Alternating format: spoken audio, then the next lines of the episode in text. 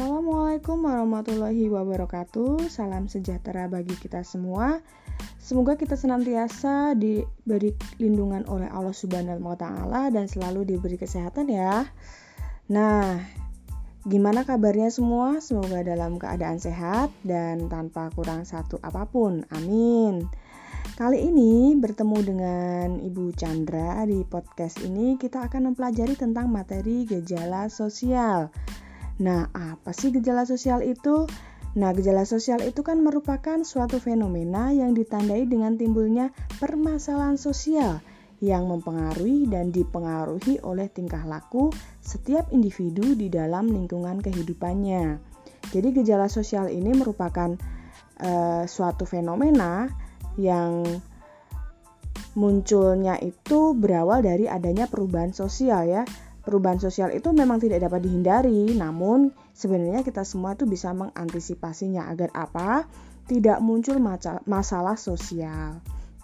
Nah, gejala sosial dan masalah sosial itu sebenarnya dua hal yang tidak uh, tidak bisa dilepaskan ya, saling berkaitan. Namun, ketika gejala sosial itu terjadi secara terus-menerus, maka potensi yang menimbulkan yang ditimbulkan itu pun juga masalah sosial di masyarakat itu pun juga akan tinggi seperti itu ya. Nah, secara lebih detailnya sebenarnya gejala sosial itu kan diartikan juga sebagai fenomena sosial. Jadi gejala sosial itu sama ya dengan fenomena sosial atau sosial symptom gitu kan. Fenomena sosial itu kan merupakan gejala-gejala atau peristiwa-peristiwa yang terjadi dan dapat diamati dalam kehidupan sosial. Nah, munculnya fenomena sosial ini berawal dari adanya perubahan sosial. Perubahan sosial itu sebenarnya tidak dapat kita hindari, namun kita itu bisa mengantisipasinya. Jadi, gejala sosial ini munculnya karena perubahan sosial ya, itu kata kuncinya. Nah, fenomena sosial atau gejala sosial yang ada di dalam kehidupan sehari-hari itu selanjutnya dapat menimbulkan masalah sosial. Adapun beberapa contoh fenomena sosial itu seperti munculnya kesenjangan sosial, demam musik luar negeri, pencemaran lingkungan dan banyak lain ya. Banyak sekali sebenarnya fenomena fenomena-fenomena sosial atau gejala-gejala sosial yang ada di sekitar kita. Kenapa kesenjangan sosial itu tergolong dengan tergolong sebagai fenomena sosial atau gejala sosial karena dia muncul karena adanya perubahan sosial ya. Kesenjangan sosial ini senjang itu apa sih? Maksudnya ada jarak ya, gap jarak atau gap antara e, kondisi sosial seseorang atau suatu masyarakat dengan kelompok masyarakat yang lain. Misalnya nih, kondisi orang miskin dengan orang kaya atau masyarakat miskin dengan masyarakat kaya itu terlampau jauh jaraknya. Nah, itulah yang dimaksud dengan kesenjangan sosial. Seperti juga halnya dengan demam musik luar negeri ya, kita boleh saja menggandrungi musik-musik dari luar negeri seperti pop, rock, K-pop, J-pop dan lain sebagainya. Hanya saja ketika sudah masuk istilah demam musik itu maksudnya adalah kita mengagumi kondisi musik itu itu secara berlebihan. Sampai akhirnya kita lupa dengan e, budaya kita sendiri atau musik-musik asli dari negara kita sendiri atau budaya kita sendiri. Seperti kalau halnya kita orang Indonesia itu kan banyak-banyak musik daerah ya dari Sunda dari Jawa itu kan banyak. Bukan musik-musik band ya itu kan alirannya pun juga sebenarnya dari luar negeri sebenarnya aliran pop rock dan lain sebagainya itu hanya saja diadaptasi di dengan bahasa Indonesia. Nah lanjut saja kita ke faktor penyebab gejala sosial. Nah sebenarnya faktor penyebab gejala sosial itu bisa dibagi menjadi dua ya yaitu faktor kultural dan struktural.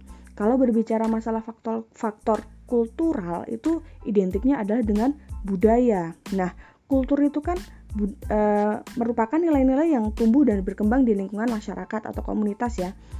Jadi contohnya itu kalau kita ngomong penyebab gejala sosial faktor kultural itu salah satunya adalah paling gampang kalau kita nyebutnya e, salah satunya kemiskinan atau perilaku menyimpang. Kenapa itu bisa sal masuk salah satu kategori faktor penyebab gejala sosial secara kultural? Ya karena bisa kemiskinan itu kan juga ternyata bisa membudaya gitu loh. Seperti halnya uh, mis, uh, pemikiran yang cenderung kurang positif lalu gaya hidup masyarakat yang malas, kurang motivasi untuk bekerja keras itu kan banyak hal yang sebenarnya itu merupakan kultur ya, budaya ya yang dipelihara agar orang itu menjadi miskin dan biasanya itu ada lingkungan itu juga mempengaruhi itu seperti contoh kalau lingkungannya itu lingkungan yang kurang memiliki semangat untuk memperoleh pendidikan yang layak atau pendidikan yang tinggi, maka itu juga mempengaruhi juga.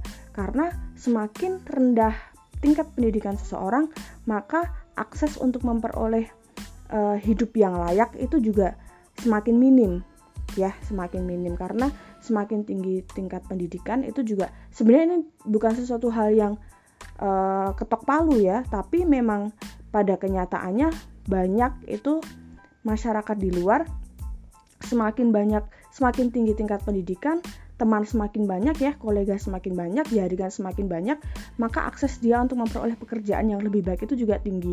Tapi kalau semakin rendah tingkat pendidikan kita itu juga mempengaruhi akses kita untuk uh, atau individu itu untuk memperoleh pekerjaan atau kehidupan yang lebih layak. Karena teman pun juga minim uh, apa jaringan juga minim dan lain sebagainya.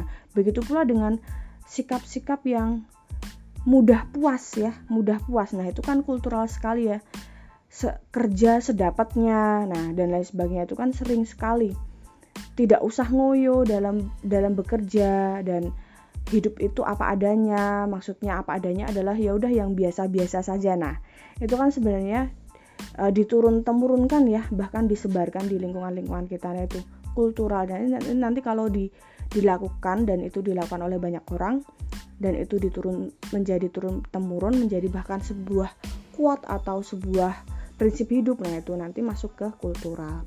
Nah kalau struktural itu kan keadaan itu kan eh, yang disusun dengan pola tertentu nah kalau faktor struktural itu biasanya dilihat dari pola-pola hubungan dari individu atau kelompok yang ada di masyarakat. Jadi kita lihatnya tuh eh, gejala sosial itu kan uh, muncul karena faktor struktural ini biasanya erat kaitannya dengan status dan peran seorang individu di dalam masyarakat. Nah, itu bisa banyak seperti kayak adanya interaksi-interaksi individu di masyarakat antar satu peran dan uh, peran lain itu juga mempengaruhi juga untuk munculnya gejala-gejala sosial. Selanjutnya kita masuk di materi atau di sub uh, submateri macam-macam gejala sosial. Nah, dari macam-macam gejala sosial yang ada di masyarakat itu dapat diklasifikasikan ke dalam sekitar empat ya, empat, empat macam. Yang pertama itu ekonomi, yang kedua budaya, yang ketiga lingkungan alam, dan yang terakhir adalah psikologis. Nah, ekonomi itu kan kalau kita tahu itu kan merupakan ilmu pengetahuan yang berhubungan dengan pendapatan ya. Nah, ini kita kaitkan dengan konsep gejala sosial. Jadi tingkat pendapatan yang dimiliki individu itu kan dapat menimbulkan gejala sosial di masyarakat. Gejala sosial yang dilihat dari aspek ekonomi itu erat kaitannya itu dengan perekonomian atau kondisi ekonomi di masyarakat. Bila ada seseorang yang kurang dapat mencukupi kebutuhan, maka akan terjadi beberapa gejala sosial. Jadi tadi kan ngomong perekonomian ya, perekonomian itu kan e, kondisi perekonomian masyarakat itu kan kondisi di mana masyarakat itu memenuhi kebutuhan hidupnya. Nah, kalau ada orang-orang atau individu atau masyarakat yang kurang bisa memenuhi kehidup uh, memenuhi atau mencukupi kehidupannya, maka muncul gejala sosial berupa kemiskinan, pengangguran dan masalah kependudukan lainnya. Nah, di sini kita akan bahas tentang kemiskinan ya. Jadi kan kemiskinan itu kan merupakan salah satu masalah sosial yang mendasar yang dihadapi oleh hampir semua bangsa ya, termasuk juga tidak terkecuali adalah bangsa Indonesia. Nah, hal tersebut itu ditandai dengan adanya berbagai kekurangan dan ketidakberdayaan diri. Jadi, kemiskinan itu kompleks atau sangat rumit ya, sangat rumit merupakan permasalahan yang sangat rumit karena menyangkut berbagai macam aspek seperti hak yang hak untuk individu atau masyarakat untuk memenuhi pangan, kesehatan, pendidikan, pekerjaan, dan banyak sekali.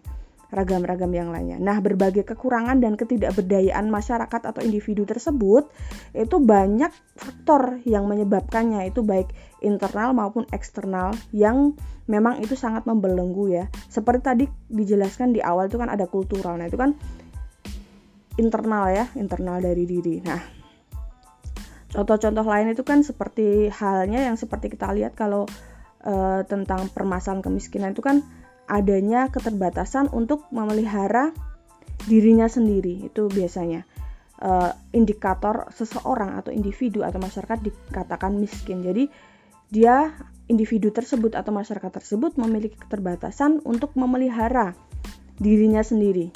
Tidak mampu memanfaatkan tenaga maupun fisiknya untuk memenuhi kebutuhan dan lain sebagainya.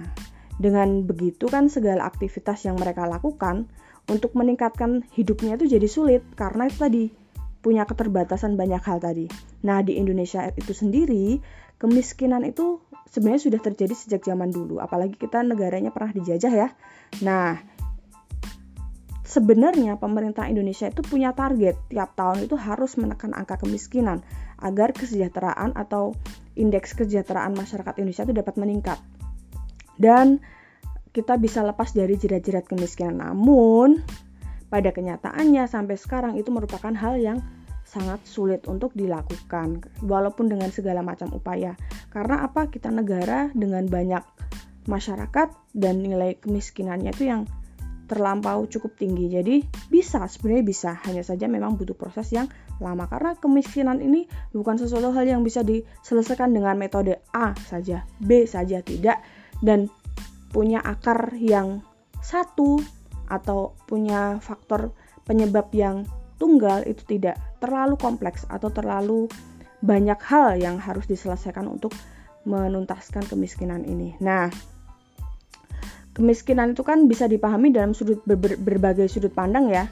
Jadi kalau kita ngomong tentang kemiskinan itu pemahaman utamanya itu adalah jadi gambaran seseorang atau individu yang dia tuh kekurangan materi atau kurang penghasilan dari kekayaan yang biasanya itu kan dikaitkan sama ketidakmampuan dalam individu tersebut memenuhi kebutuhan sehari-hari seperti sandang, pangan, perumahan dan juga tambahan pemenuhan kebutuhan kesehatan kesehatan. Jadi kalau kita kita bisa mengukur nih, kita bisa nggak sih keluarga kita memenuhi kebutuhan itu? Kalau dari empat kebutuhan itu ternyata terpenuhi, berarti bisa jadi kemungkinan besar kita bukan termasuk golongan masyarakat yang miskin gitu ya. Di sisi lain itu pandangan bahwa kemiskinan itu juga dikaitkan dengan pemenuhan kebutuhan sosial seperti kayak biasanya ya orang miskin itu identik dengan keterkucilan dari e, masyarakat atau keterkucilan sosial. Jadi dia tuh dikucilkan oleh masyarakat atau mungkin keadaan yang membuat mereka dikucilkan.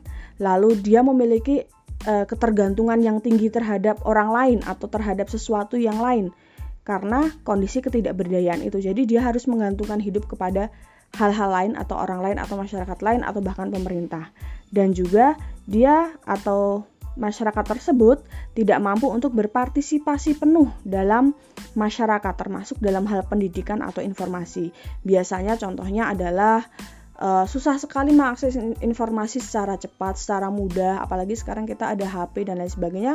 Nah, bisa jadi dia tidak bisa mengakses itu. Kalau kita ngomong pendidikan pun juga sama, bisa jadi uh, masyarakat-masyarakat atau individu yang tergolong miskin itu mungkin dia tidak bisa mengakses pendidikan dengan layak. Jadi mungkin karena kebutuhan ekonomi atau kebutuhan untuk pemenuhan uh, utama, contoh paling gampang ya pangan ya, mungkin itu lebih diutamakan atau lebih urgent. Jadi mungkin untuk pen akses pendidikan mungkin dikesampingkan karena ada aspek lain yang lebih urgent yang harus dicari. Nah biasanya seperti itu.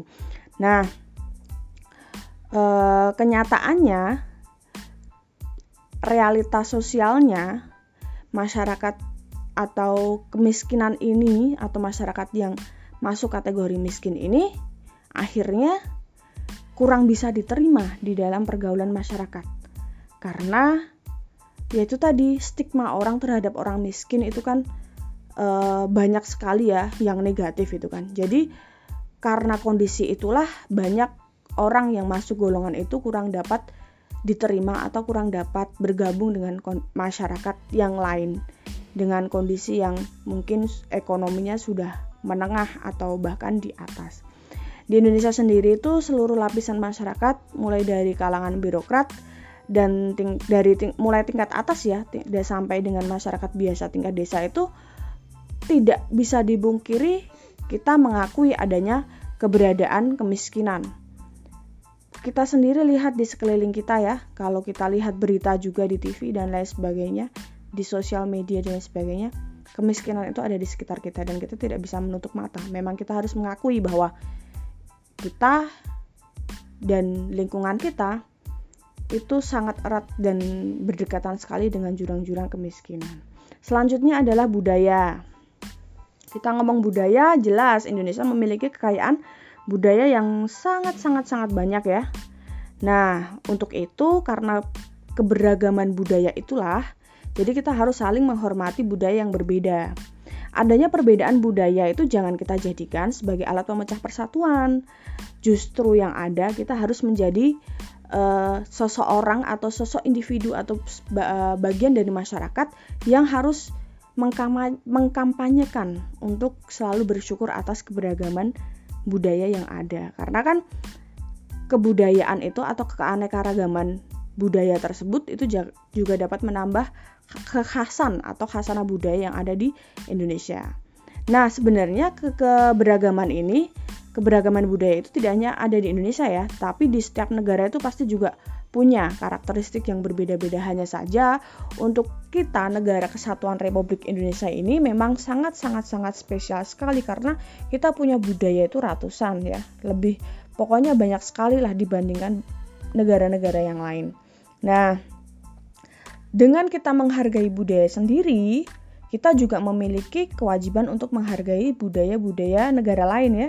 Karena keanekaragaman budaya di sekitar kita itu kan kalau kita tidak melakukan uh, tidak menyikapinya dengan baik, maka hal yang muncul adalah yaitu di gejala sosial seperti tindakan peniruan budaya asing yang negatif bahkan sampai ke kenakalan remaja karena apa? Kita kurang memahami nilai-nilai hasanah budaya kita dan karena keanekaragaman budaya yang begitu majemuk dan kemudahan akses yang kita, dapat kita ambil dari mana pun itu. Nah, kalau kita tidak bisa menyikapinya dengan baik, maka ya kemungkinan-kemungkinan gejala sosial itu pun tidak dapat dipungkiri untuk bisa muncul ya, seperti itu. Nah, kita ngomong tentang kenakalan remaja nih. Jadi kan ini relate sekali ya dengan siswa-siswa zaman sekarang itu. Mau zaman sekarang mau zaman dulu relate sekali kenakalan remaja itu pasti ada itu kan. Nah masa remaja itu kenapa? Karena masa remaja itu kan merupakan masa pencarian jati diri sehingga banyak remaja yang meniru tingkah laku orang lain. Nah tindakan remaja yang meniru orang lain itu kalau tidak terkontrol itu bisa menjadi suatu masalah sosial yang dapat merugikan diri sendiri maupun orang lain. Nah, kenakalan remaja itu biasanya ditandai oleh adanya keinginan untuk melawan atau sikap apatis, tidak atau ketidakpedulian ya. Padahal pada masa-masa ini seharusnya remaja itu mengenali nilai-nilai dan norma-norma atau aturan yang berlaku di masyarakat. Nah, dengan mempelajari nilai norma itu di, di masyarakat harapannya kan remaja atau pemuda itu dapat berperilaku sesuai dengan nilai dan norma di masyarakat tersebut dan tidak melakukan perilaku atau perbuatan yang menyimpang. Jadi intinya adalah remaja itu adalah waktu yang pas untuk mempelajari nilai-nilai dan aturan-aturan yang ada di masyarakat agar apa tidak menimbulkan penyimpangan. Jadi on the track gitu ya, tidak menyimpang. Nah, tapi kenyataannya faktanya perilaku menyimpang itu sampai sekarang pun masih terjadi di kalangan remaja. Seperti halnya kalau kita lihat ya di berita-berita atau mungkin di sekitar kalau ada ya seperti tawuran antar pelajar, membolos, lalu malas sekolah, malas melanjutkan sekolah, bahkan tindakan bullying. Tidak sopan e, tidak ada sopan santun dengan orang lain, pelanggaran lalu lintas dan lain sebagainya banyak sekali pokoknya ya kenakalan-kenakalan remaja yang ada di sekitar kita. Nah, selanjutnya adalah lingkungan alam. Jelas sekali karakteristik gejala sosial dalam bidang lingkungan alam itu menyangkut aspek kondisi kesehatan ya. kaitannya seperti itu. Jadi ses jika seseorang itu terkena penyakit, itu juga jelas dapat menimbulkan gejala sosial. Bahkan jika seseorang itu kena penyakit yang menular, itu kan otomatis itu berpengaruh juga. Contohnya gejala sosial yang timbul seperti ya tadi e, paling gampang di sini karena mungkin pencem pencemaran lingkungan di Indonesia ya kena satu kena semua. Nah yang paling baru adalah karena COVID. Jadi satu individu satu terkena lalu menular ke yang lainnya akhirnya menjadi pandemi ya pandemi dan itu menjadi wabah akhirnya menimbulkan permasalahan sosial yang lain seperti kalau sakit satu sakit semua otomatis kan kemarin pemerintah mengambil kebijakan lain-lain ya seperti penutupan PPKM dan sebagainya dengan berbagai macam nama-namanya itu intinya pembatasan kegiatan masyarakat nah nanti efeknya di apa? Di, di pemasukan ya di bidang ekonomi. Nah maka tidak jarang juga ketika wabah itu tidak selesai-selesai dan terjadi peningkatan akhirnya pun juga demi menyelamatkan nyawa banyak orang, menjaga kestabilitasan kondisi kesehatan masyarakat, maka pemerintah mengupayakan untuk menekan angka atau memberikan alternatif alternatif solusi gimana caranya agar masyarakat tetap sehat walaupun nanti uh, yang diper yang dikorbankan adalah seperti halnya pemasukan negara atau pemasukan individu. Banyak juga individu-individu yang di PHK dari kantornya karena memang tidak ada tidak ada pemasukan dan lain sebagainya itu efek-efek dampak negatifnya. Jadi banyak hal ya. Ternyata lingkungan itu ketika kita berbicara lingkungan pun juga ternyata memberikan efek bagi secara sosial kemasyarakatan juga. Jadi tidak hanya tentang ke alam saja, tapi juga ke manusia. Yang terakhir adalah psikologis. Jadi perilaku seseorang atau individu itu dalam kehidupan sehari-hari dipengaruhi oleh aspek psikologisnya. Kalau seseorang mengalami pengangguran, eh mengalami gangguan kejiwaan, maaf. Jika seseorang mengalami gangguan kejiwaan, maka dapat jelas menimbulkan gejala sosial di masyarakat, seperti disorganisasi jiwa, aliran sesat, dan kondisi-kondisi yang lainnya. Jadi banyak ya ketika seseorang itu memang dari segi psikis atau kejiwaan itu bermasalah, pasti jika itu dibiarkan tidak segera ditangani maka akan menimbulkan gejala-gejala sosial yang memang mempengaruhi masyarakat yang lain. Jadi banyak sekali kalau ada sekte-sekte yang tidak jelas itu ya aliran-aliran sesat itu kan nanti dinilai memang dari segi, psikologis itu kebanyakan dokter akan mengklaim bahwa dia memiliki kelainan kejiwaan dan lain sebagainya. Bahkan paling gampang itu kan juga kalau orang memiliki permasalahan psikologis atau permasalahan kejiwaan psikis gitu ya terkadang juga merugikan apa ya merugikan orang lain secara langsung.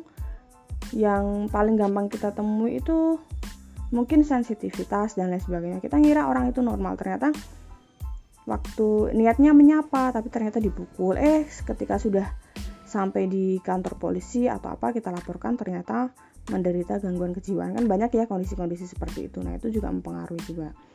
Nah oke. okay. Untuk materi gejala sosial pada kali ini kita akhiri ya sampai macam-macam gejala sosial yang ada di masyarakat nah tadi kan kita ibu, ibu kan sudah menjelaskan tentang banyak hal ya dari A sampai Z itu nah salah satu hal yang menjadi concern kita di sini adalah paling kompleks ya, paling kompleks permasalahan di sini dari semua yang Ibu jelaskan tadi adalah Ibu contohkan adalah tentang kemiskinan. Sebenarnya ada banyak data kalau kalian cari di Google ya data kemiskinan yang ada di Indonesia gitu kan.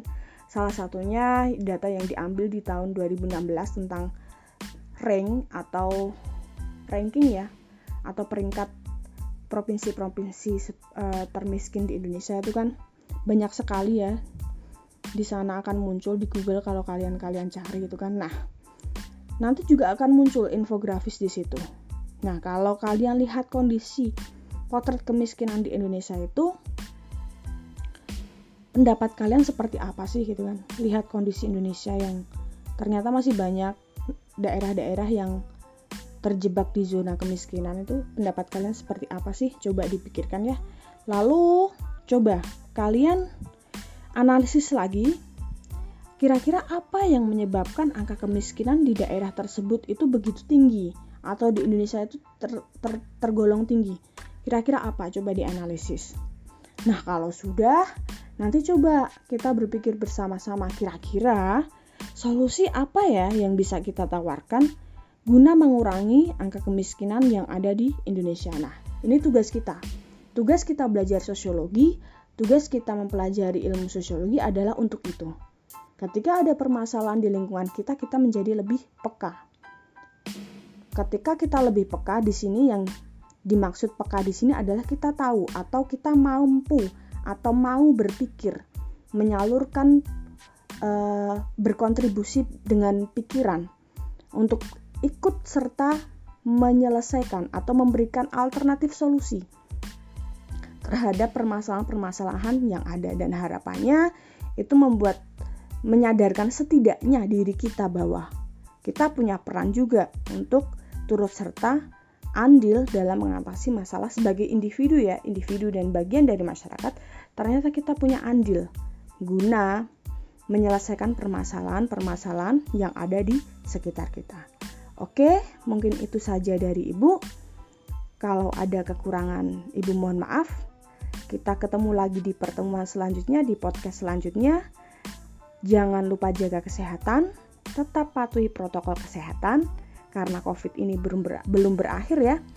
Jika ada yang belum vaksin, silakan vaksin karena memang uh, vaksin itu juga menambah imun tubuh karena kita nggak tahu ya imun tubuh kita itu seperti apa.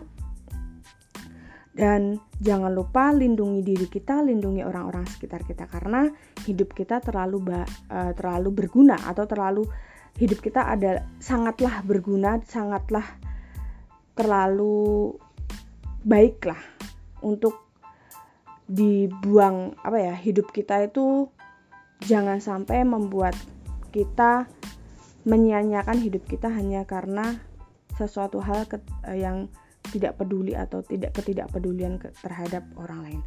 Oke, mungkin itu saja dari Ibu. Selamat pagi, selamat siang, dan selamat malam. Wassalamualaikum warahmatullahi wabarakatuh.